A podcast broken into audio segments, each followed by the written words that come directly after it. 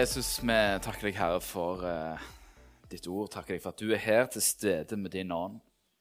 Og ber, ber Herre, om at du skal gjøre ditt verk, Herre, midt iblant oss uh, denne morgenen. Eh, ber om at du skal komme med din ånd og åpenbare ditt ord. Eh, dette handler ikke om meg, det handler ikke om hvor flink jeg er. Det er bare du som kan forandre og forvandle livet. Vi ber her om at vi skal bli forvandla i dag. Amen. Ja, eh, meg og Magnus, vi, vi har, eh, vi har en eh, Vi har satsa på og snakket sammen om hva vi skulle snakke om denne våren. Eh, og vi tenkte at da, vi fokuserer på Jesus denne våren, som jo er en god idé når du er menighet. Det er litt sånn safe bet. Vi, vi, snakker om Jesus, ja. Så vi, vi, har bestemt oss for at vi ønsker å bli bedre kjent med Jesus og hvem han er. Og vi skal bruke Lukas' evangelium som utgangspunkt for å få større innsikt i og for, og for å bli bedre kjent med Jesus. Så eh, Det som eh, vi skal gjøre i dag, var, det var egentlig ikke min plan. Eh, men det blir egentlig, vi skal ta oss og reise litt gjennom hele Lukas-evangeliet. Så skal jeg stoppe opp med med, med, de eh, punktene eh, der Jesus framstår som konge. Så dagens tema er at Jesus er konge. Langs denne reisen gjennom Lukas så dukker det etter hvert opp tre utfordringer som eh, vi alle kan på en måte tenke litt på og smake litt på. Tre utfordringer til oss som Guds folk. Men før vi kommer til utfordringene, så må vi da se på dette her med Jesus er konge. Når du først åpner Lukas-evangeliet, så er dette noe du møter tidlig i beretningen, i historien. Det er faktisk før Jesus blir født. Når eh, engelen Gabriel åpenbarer seg for Maria, så sier han til hun, Se, du skal bli med barn og føde en sønn, og du skal gi ham navnet Jesus. Han skal være stor og kalles den høyeste sønn. Gud Herren skal gi ham hans far Davids trone, og han skal være konge over Jakobs hus til evig tid, og det skal ikke være ende på hans kongedømme. Dette er på en måte introduksjonen til Jesus, og det er introduksjonen til Lukas' evangelium. Og det er dette som Lukas' evangeliet handler om. Hvordan denne Jesus som skal bli født, skal være konge og bli konge over Jakobs hus til evig tid. Nå, Hvis du ikke har lest Bibelen før og ikke vet noe om Jesus, og du begynner å lese denne fortellingen om, eh, om Jesus, så virker det på mange måter som en sånn klassisk fortelling. Det er fattig gutt som i virkeligheten er en kongssønn og så må han overvinne den onde kongen for å ta sin rettmessige plass på tronen. Det er sånn det høres ut som. Aha, ja, jeg har hørt denne historien før, tenker man kanskje. Dette, dette er sånn som historien om kong Arthur begynner, f.eks. Eh, om, om en gutt som egentlig er kongssønn, men som ikke er på tronen, og som vokser opp ute, og så drar han opp et sverd av steinen, og så blir det noe slag og noe greier, og så overvinner han den onde kongen, og så tar han sin plass på tronen. I, Bibelen så har man jo òg en variant av dette, det er jo kong David. Der, der kong David blir eh, Som er jo Det er jo eh, Det er jo forfaren til Jesus. Og kong David er jo en konge som da blir utvalgt av Gud eh, til å bli konge. Og så må han overvinne den onde kongen Saul og så ta sin rettmessige plass på tronen. Så Det er ulike varianter av disse historiene. Og, og Når du begynner å lese Lukas' evangelium, så kan du få tanke om at ok, det er en sånn en historie vi skal lese. Så aner vi likevel noe mer. Det ligger i disse ordene 'den høyeste sønn', evig tid. Skal ikke være ende, ende på. Dette her er ikke et vanlig kongedømme. Dette er, dette er ikke en vanlig konge. Dette er en superkonge, på et vis. Og når det gjelder konger, så er det jo sånn at eh, vi her i, eh, i Norge lever i et konstitusjonelt monarki, som det heter. Der kongen ikke har reelle makt, han har bare symbolsk makt. Der det, der det er regjeringen som utøver kongens makt. Og før regjeringer eh, til, tiltrer, så kommer de ofte med en såkalt programerklæring. Eh, det er der som på en måte de sier hva, de, hva prinsipper de skal styre etter. Akkurat nå så har vi Støre-regjeringen, og før den tiltrådte, så kom de med det som kaltes for Hurdalserklæringen. I Norge så blir disse erklæringene oppkalt etter plassen der de diskuterer og utarbeider disse her. Så Vi hadde liksom Hurdalserklæringen nå, og så var det Granavolden og Sundvolden før der, og så var det Soria Moria-erklæringen før der igjen. Så det er sånne programerklæringer. I land der kongen har reell makt, så begynner man ofte sin kongsgjerning med en lignende sånn programerklæring. Hva skal kongemakten min være tufta på? Hva ting er det jeg skal prioritere? Hva er det jeg anser som min oppgave?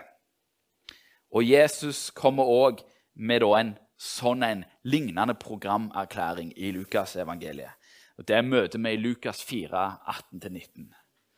Da står han fram i synagogen i Nasaret, og så sier han, 'Herrens ånd er over meg, for han har salvet meg til å forkynne evangeliet for fattige.' 'Han har sendt meg for å forkynne for fanger at de skal få sin frihet,' 'og for blinde at de skal få syn,' 'for å sette undertrykte fri,' 'for å forkynne et nådens år fra Herren.' Dette var Jesus sin programerklæring. Dette var det han skulle gjøre. Det var dette som var hans kongsgjerning. Jesus siterer Jesaja 61. Dette her er fra Jesaja 61. Og Så sier han til dem at eh, dette ordet er oppfylt nå for ørene, ørene deres. De som hørte, hadde hørt dette verset mange mange ganger før. Men nå så får de beskjed om at dette skjer nå. Det som Jesaja profeterte om, det skjer nå. Og, eh, og, med det så identifiserer han seg sjøl med verset. Og han identifiserer seg sjøl som konge. Og det blir ikke veldig godt tatt imot. Han må faktisk flykte for ikke å bli steina hvem tror du at du er? Vi vet jo hvor du er vokst opp. Du er vokst opp rett borti hogget. Sant? Vi vet hvor du er vokst opp. Vi vet hvem som er far din og mor di. Hvem tror du at du er?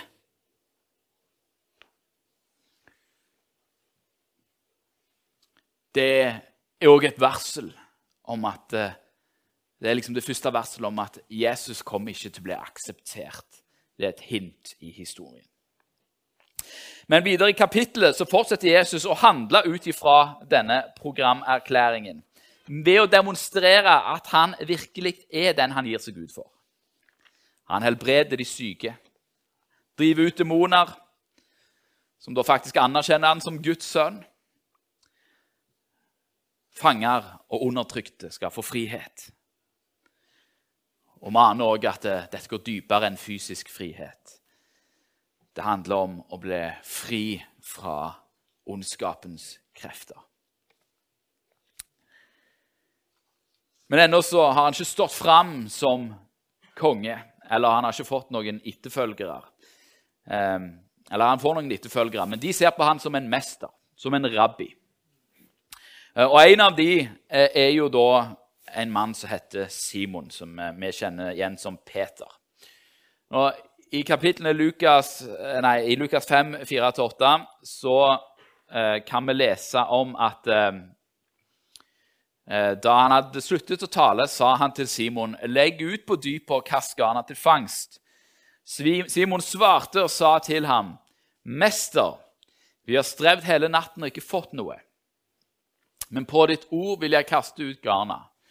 De gjorde så, og de fanget så mye fisk at garna holdt på å revne. Legg merke til den tittelen som Peter bruker på Jesus. Det er tittelen 'mester', altså rabbi.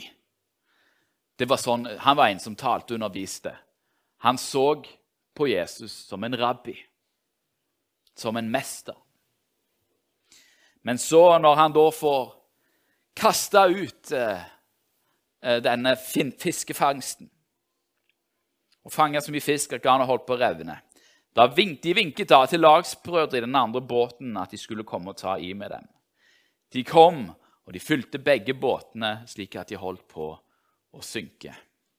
Og så står det Men da Simon Peter så dette, falt han ned for Jesu knær og sa, Herre, gå fra meg, for jeg er en syndig mann. Det har skjedd en forandring med Peter. Han, begynner, nei, Peter begynner med å kalle Jesus for mester.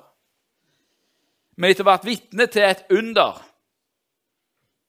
til Jesus sin, sin mirakuløse makt, så endrer han både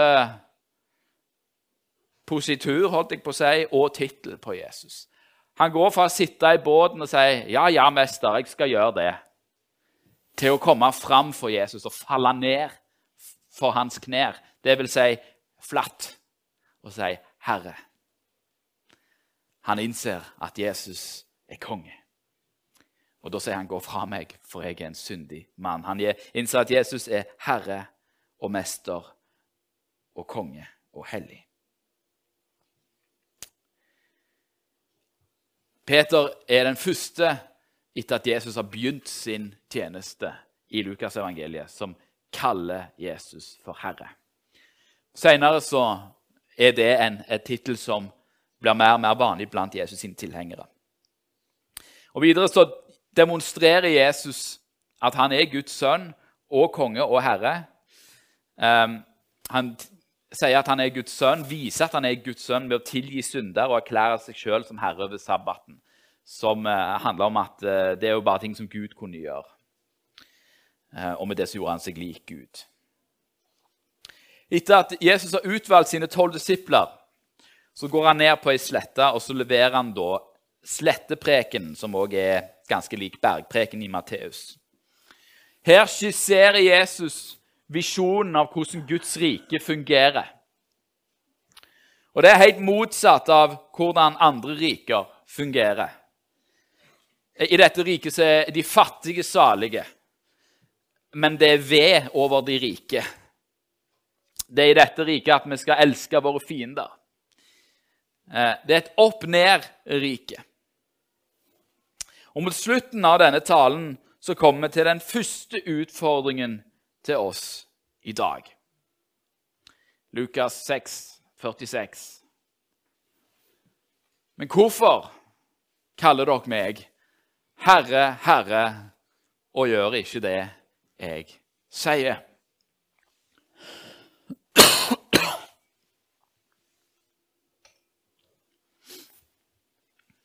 Nå må jeg ha litt vann her.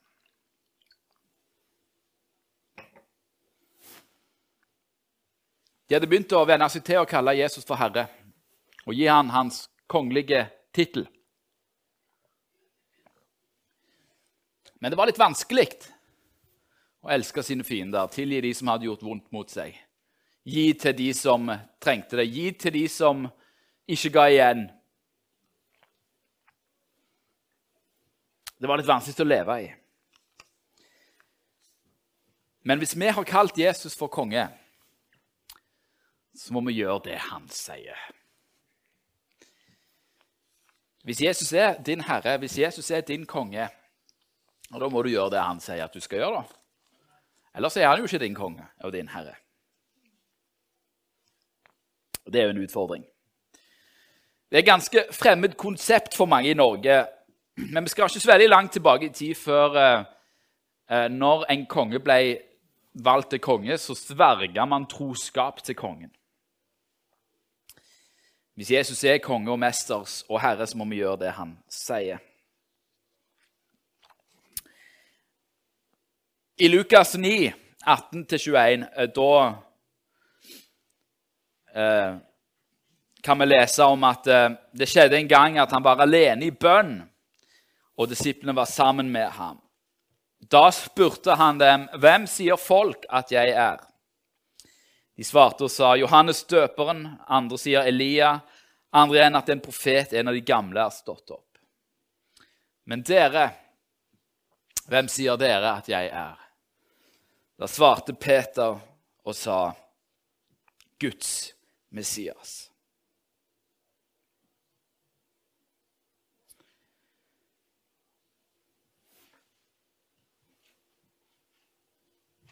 Da, men, men, han forbød dem strengt å si dette til noen, står det i det neste verset.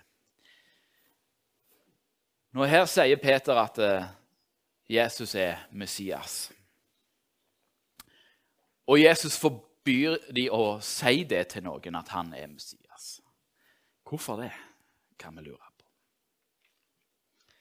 Jo, her kommer vi inn i den uh, Vi begynner å nærme oss den andre utfordringen. Det handler noe med naturen til dette riket som disiplene ennå ikke har forstått. Og Jesus begynner nå sakte å prøve å forklare for dem hva som nå skal skje. Han, han forbyr dem strengt å si dette til noen, at han er Messias. Fordi folket hadde så veldig tydelige og klare forventninger til hva Messias skulle gjøre. Men det var ikke det Jesus kom for å gjøre.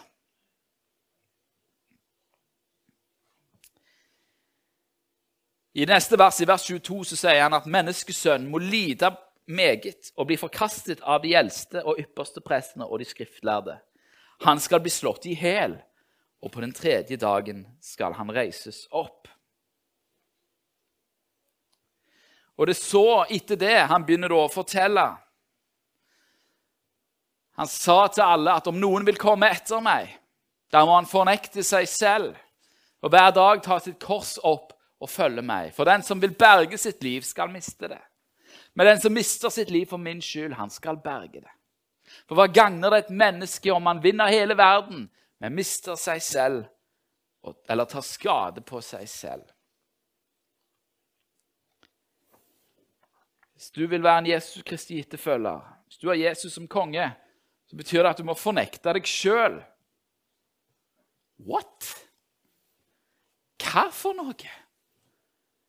Jeg må jo bekrefte meg sjøl, jeg må jo være tro mot meg sjøl.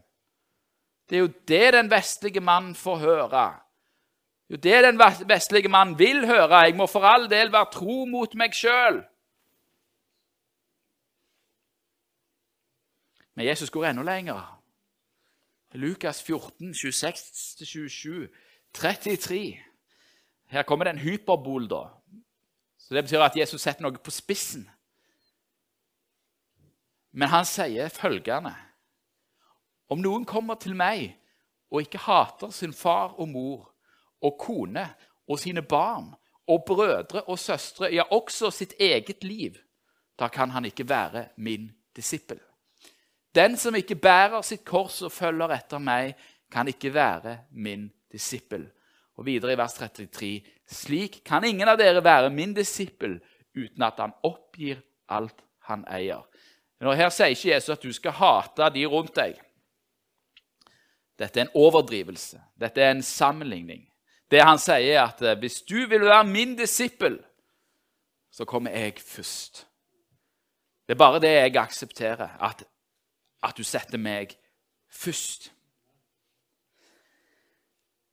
Jesus, i kraft av å være konge, forlanger total lojalitet. Og eh, som uh, igjen, det vestlige mennesket det er litt sånn rolig nå. Total lojalitet. Dette virker som et sånn totalitært samfunn.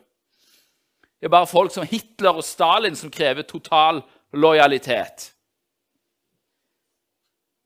Og En av disse kjente nyartistene, Christopher Hitchens, han, han uh, syns jo egentlig at Jesus sine krav og den ideen om Gud, den kristne Gud, virka ganske mye som Hitler og Stalin. Så han, han, kalte, for, han kalte, den kristne Gud for, som et sånn himmelsk Nord-Korea. Var det det han beskrev det som? Ja, hva er forskjellen, da?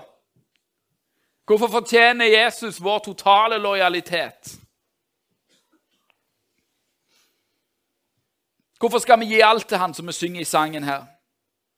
Det er det som sto i vers 22, som handler om at eh, Jesus skulle dø og stå opp igjen. Hvorfor skal jeg gi alt til han? Det er fordi han har gitt alt til oss. Det er den forskjellen. Det er forskjellen. Kim Jong-un har ikke gjort en dritt for nordkoreanerne annet enn å trykke dem ned i elendighet.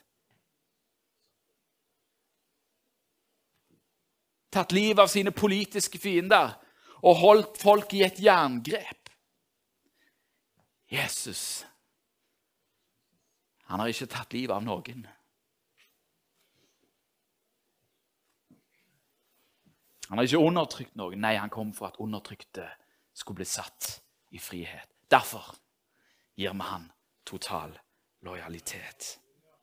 Jesus, som det står i Romerbrevet 8,32, han som ikke sparte sin egen sønn, men ga ham for oss alle. Hvordan skulle han kunne annet enn å gi oss alle ting med ham? Hvorfor skal vi gjøre det Jesus sier? Fordi Jesus elsker oss først.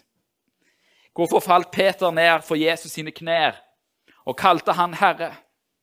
Fordi Jesus gjorde et mirakel, ja. Men også fordi at Jesus gjorde et mirakel for Peter. Jesus viser at han brydde seg om Peter. Det var en kjærlighetshandling. Ja, vi faller på kne for vår Herre. Men det er fordi han bøyde seg ned til oss først. Derfor. Det er ikke, det er ikke problem å knele ned for en gud og for en konge som har knelt ned for deg for å løfte deg opp.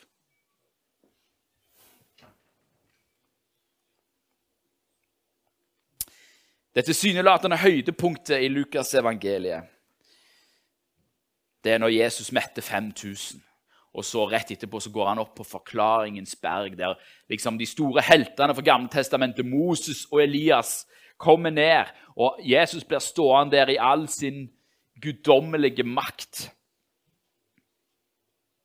Jesus, tre av Jesus sine disipler får se dette. Vi får en smakebit av Jesu makt, og Guds røst høres. Dette er min sønn, den elskede. Hør ham, sier Gud.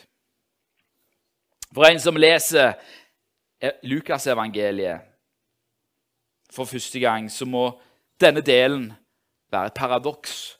På en måte så får du jo bekrefta at Jesus er superkongen. Guds sønn. På andre sida så har Jesus noen sånne ganske olme utsagn som handler om død, at han skal bli drept og stå opp igjen. Det er noe sånn illevarslende her. Og etter forklaringens berg så kommer vendepunktet i Jesus sin tjeneste.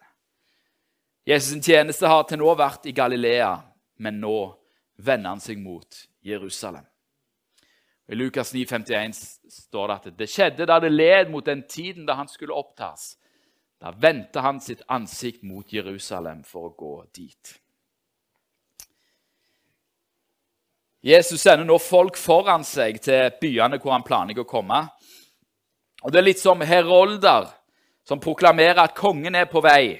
Hvis kongen var på vei en plass, så kom eh, kongens tjenere først, og så erklærte de kongen er på vei. Kongen er på vei. Og nå sender Jesus ut sine disipler for å gå inn i byene der Jesus kommer, for å erklære at Jesus er på vei. Kongen er på vei. For Jesu disipler er dette viktige dager. De tror jo med rette at Jesus er Messias, den lovede kongen.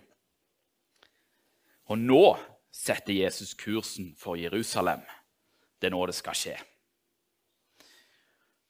For jødene,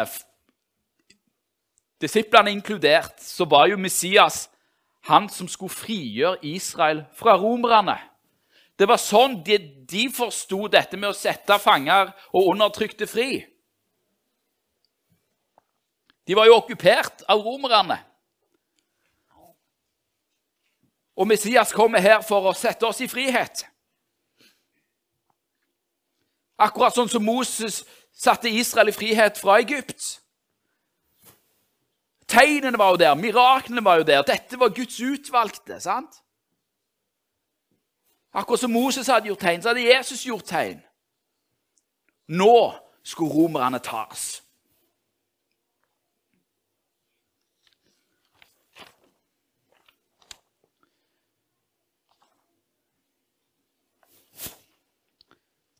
Så, begyn- så når Jesus begynner ferden mot Jerusalem, så tror, Jesus, tror disiplene at han skal ta makta. Det er derfor de ikke skjønner dette Jesus sier om død og oppstandelse. For de så er Guds rike sånn Israel skal se ut etter at Jesus har kommet til makten og kasta romerne ut. Når Jesus beskriver Guds rike i slettepreken om eh, dette landet der, eh, der, der eh, man skal gi til de rike og elske sine fiender altså det, det er jo et rike som, som skal skje når Jesus har kasta romerne på dør. Det er deres forventning. Det er derfor de ikke skjønner når Jesus begynner å snakke om død og oppstandelse. og sånt. Det passer ikke med det bildet de har. Vi ser dette etter at Sakkeus har omvendt seg i Jeriko, rett før Jesus og disiplene skal begynne oppstigningen til Jerusalem. Mens de hørte på dette, la han også en lignelse til. For han var nær Jerusalem, og de mente at Guds rike straks skulle komme til syne. Det er ikke så langt ifra Jeriko til Jerusalem. Og vi nærmer oss Jerusalem. Nå kommer snart Guds rike.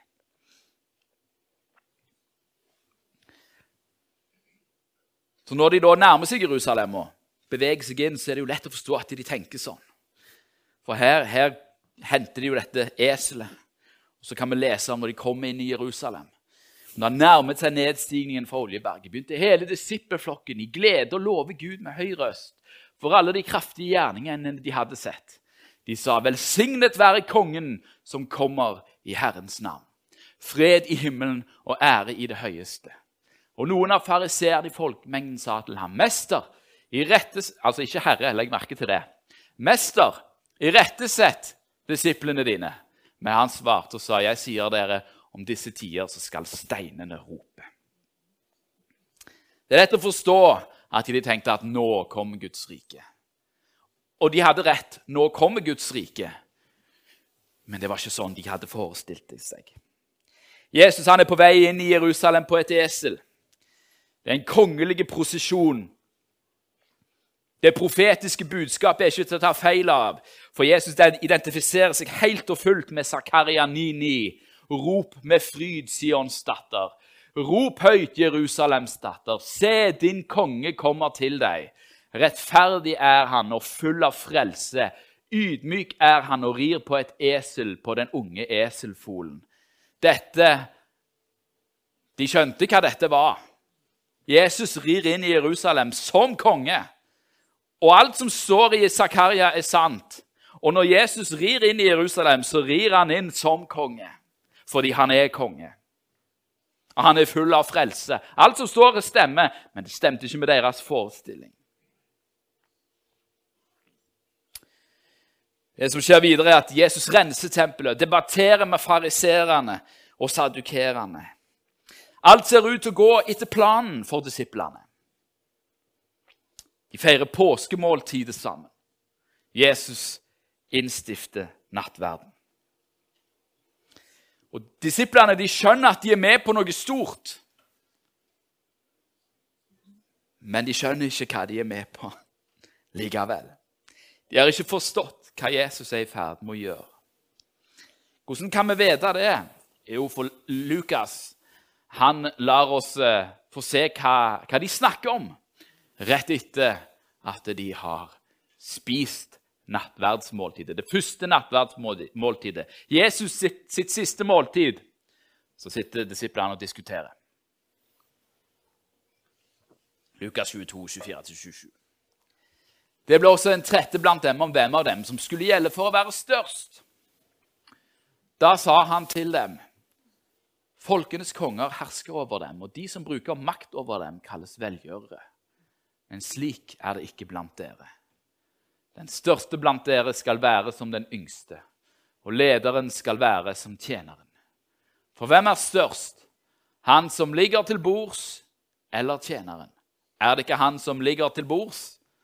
Men jeg er som en tjener blant dere. Disiplene de sitter her og krangler om regjeringskabalen.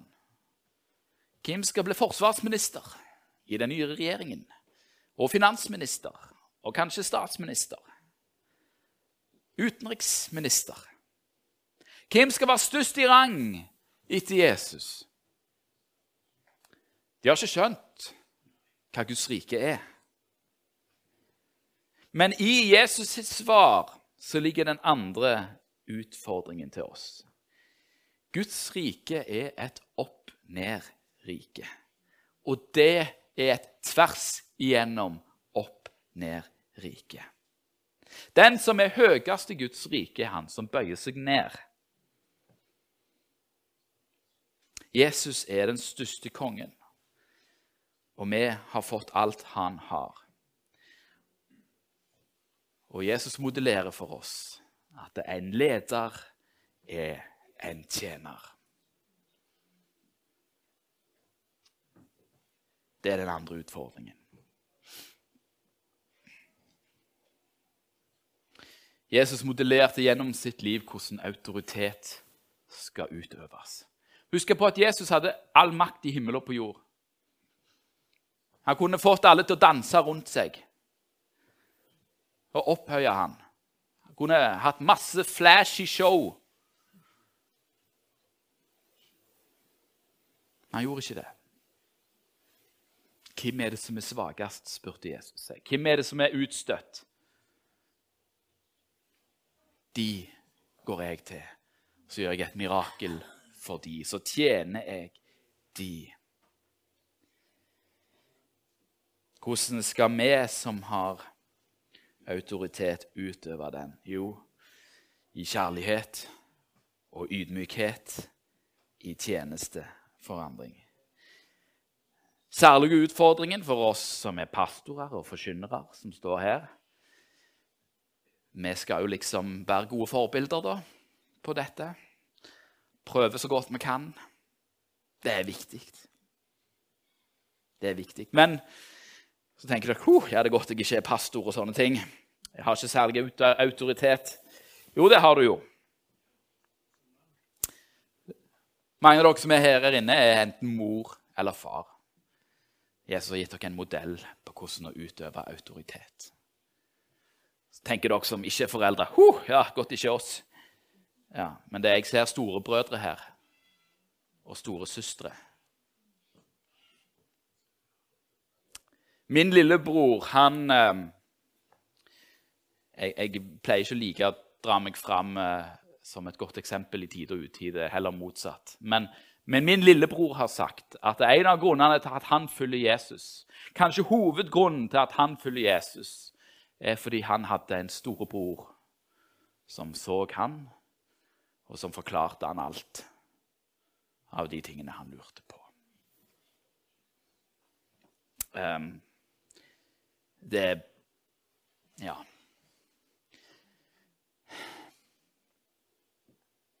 Da har jeg i hvert fall gjort én ting rett.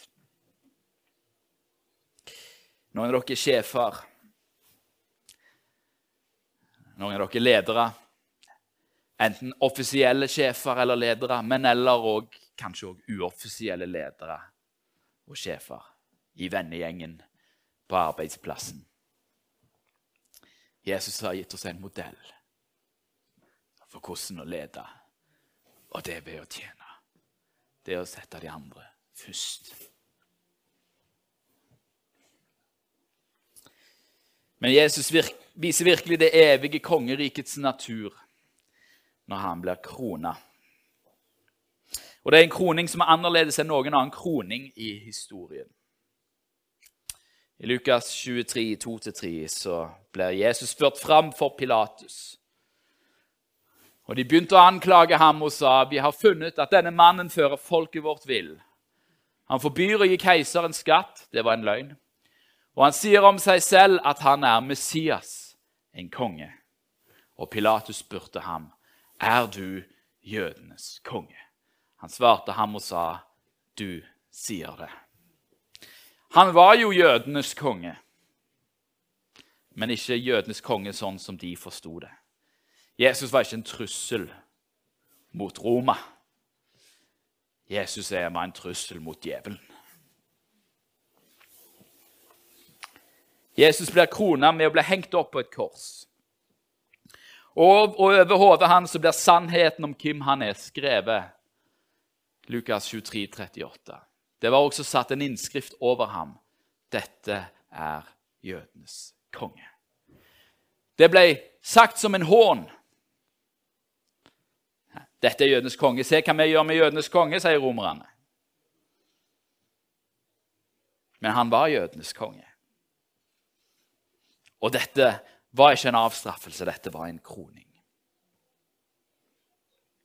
Det ligger i dette evige kongerikets natur at kongen ikke bare er en tjener, men en som lar seg ydmyke, korsfesta som et offer for urettferdige menneskers synd og skyld. For historien om Jesus i Lukas evangeliet, det handler ikke om en landsbygutt som blir konge, som kong David eller kong Arthur. Historien om kong David og kong Arthur det er menneskehistorier som handler om de maktesløse som kjemper seg fram til å bli konger. Det er sånn som vi er. Vi begynner uten makt, uten innflytelse. Vi har mangel. Og så kjemper vi oss gjennom denne verden for å oppnå et navn eller en posisjon eller storhet på en eller annen måte. Det er menneskehistorier. Men Jesus er ikke sånn. Historien om Jesus er Guds historie om en allmektig Gud som tar bolig blant oss. En som har alt, som ikke mangler noen ting, og som villig uttømmer seg sjøl. Ikke for å bli konge. Jesus var alltid konge. Jesus var alltid konge. Han trengte ikke at et menneske skulle krone han til konge. Jesus var alltid konge. Men når Jesus blir krona på korset Så er det ikke for å bli konge, men det er for at alle andre skal bli konge. Det er for at alle som tar imot han skal få den samme kongeverdigheten som han har.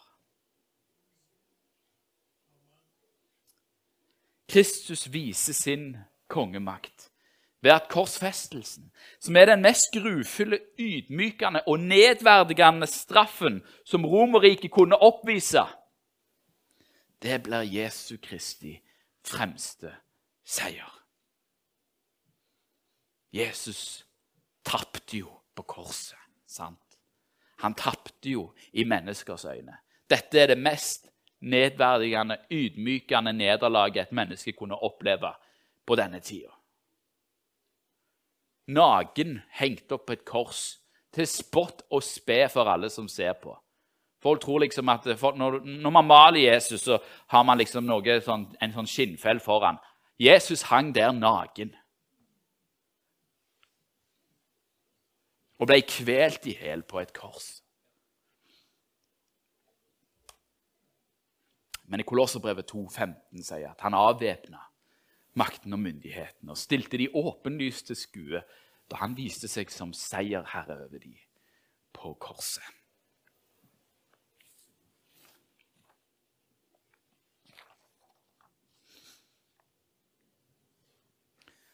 Jesus døde på korset men han forblei ikke i grava. Døden kunne ikke holde på Jesus. I Lukas 24, 36 så møter Jesus disiplene for første gang. Han har møtt noen allerede, men nå møter han disippelflokken samla. Når de snakker om at folk har sett Jesus, mens de talte om dette, så sto han selv midt iblant dem og sa til dem Fred være med dere. Shalom.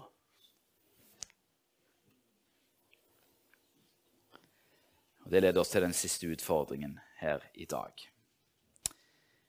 Det første Jesus hilste disiplene med, var fred.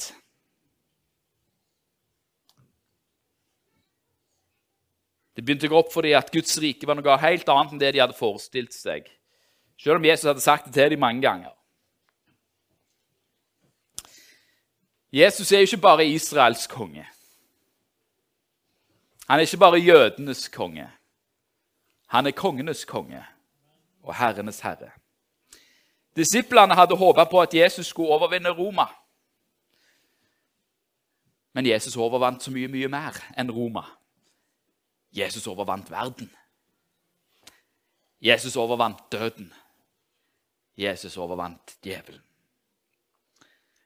Derfor hilste Jesus disiplene med fred og sa, 'Frykt ikke'. Dette ordet fred, shalom, det betyr fred, men betyr også at alt er i orden. Alt er i orden. Når Jesus hadde stått opp fra de døde, så var alt i orden. Hvorfor skal du ikke frykte? For alt er i orden. Det er utfordringen til oss i dag. Du trenger ikke å frykte for straff, for Jesus har tatt straffen. Du trenger ikke å frykte for døden, for Jesus har overvunnet døden. Du trenger ikke å frykte for økonomien, for alt hører han til, og han har lova å ta seg av deg. Du trenger ikke å frykte for posisjonen din, fordi han har gitt deg en kongelig arv i sitt rike. Du trenger ikke å frykte for smerte og lidelse. For alt du lider i denne verden, skal du få igjen i den neste. Og han sjøl, han sjøl skal tørke alle dine tårer. All urettferdighet du møter, all smerte og lidelse du møter, Jesus skal helbrede og gjenopprette alt i sammen. Han har lovt at han skal tørke tårene vekk. Vet du hvor nære, nære han er nødt til å være da? Dere som er foreldre, har gjort, som har gjort dette. Da må du være helt oppi. Det er vår framtid, som tror på Hans navn. Med denne visshet, i Kristi fred, som overgår all forstand, i Den hellige ånds kraft, så lot ikke Peter seg hemme av frykt, men erklærte følgende på pinsedag. Der står det Lukas 23, 23. Det stemmer ikke. Det skal være Apostelsgjerninger 2, 22-24 og 36. Israelittiske menn, hør disse ord. Jesus fra Nasaret var en mann utpekt for dere av Gud ved kraftige gjerninger. Under og tegn som Gud gjorde ved ham midt iblant dere, som dere selv vet. Han ble forrådt etter Guds fastsatte råd og forutviten. Og dere slo ham i hæl idet dere naglet ham til korset ved lovløse menns hender. Ham reiste Gud opp idet han løste dødens veer, for det var umulig for døden å holde ham fast. Og Så forklarer han masse om David og forskjellige ting, og så sier han til slutt så skal da hele Israels folk vite for visst at Gud har gjort ham til Herre og til Messias, denne Jesus som dere korsfestet. Og Siden så drog apostlene ut over hele Romerriket med dette revolusjonerende og radikale budskapet. Jesus er Herre. Det er ikke keiseren i Roma som er herre. Det er ikke ypperste presten i Jerusalem som er herre. Det er ikke statsministeren i Norge som er herre. Nei, Jesus er herre. Og han ikke bare, var ikke bare herre på apostlenes tid. Nei, Jesus er herre nå. Derfor trenger ikke du å frykte, for Jesus er herre. Og han er herre i morgen. Og han er herre hver eneste dag etter det. For Jesus Kristus er i går og i dag, ja, til evig tid den samme. Halleluja. Jesus, vi takker deg, Herre. Du har gitt oss noen utfordringer Herre, om å, om å lyde deg og være trofaste mot deg. Og det, at, eh, og det, kan du gjøre med frimodighet. Og det er rett fordi du har vært trofaste mot oss. Og du har vist oss, Herre, et eksempel til etterfølgelse. Du har vist oss, Herre, at eh, kongsmakt ikke handler om mennesker som skal kjempe seg vei for å bli noe. Men det handler om du som allerede var noe, som ga oss alt for at vi skulle bli noe. så trenger vi ikke å streve og stresse for å bli noe, fordi vi allerede er noe hvis vi har tatt imot deg. Herre Jesus, det er det vi feirer. Det er det vi ønsker å være en del av. Og så ber vi om at du skal hjelpe oss til å være sånne. For du har gitt oss alt. Og jeg bare ber om at vi skal kunne gi det videre. Og være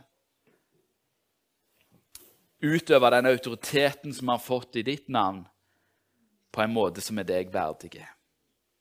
Så ber jeg, Herre, for alle Jesus som, som har vanskeligheter i livet, og som gjør at de bekymrer seg og har frykt. Herre, det er en utfordring til oss, fordi vi trenger ikke å frykte, fordi du er Herre. Og alle disiplene av Jesus de levde jo som om det var sant. Og de døde jo alle mann for deg. Hvorfor det? Jo, fordi de visste at det, det er ikke farlig å dø. De ville bare leve for Han som elsker dem. Kjære Jesus, bare ber her om at du kommer til oss nå i denne stunden. At du åpenbarer deg sjøl for oss. At vi får se deg som konge. At det både utfordrer og strammer oss opp. Men at det er òg vår trygghet. For dette riket er ikke tufta på våre prestasjoner og gjerninger. Det er tufta på hva du har gjort. Det er du som setter fanger i frihet. Det er du som gir undertrykte frihet. Det er du som gir blinde syn, Jesus. Det er du som eh, har evangeliet. Kjære Jesus, kom, Herre, med din ånd. Amen.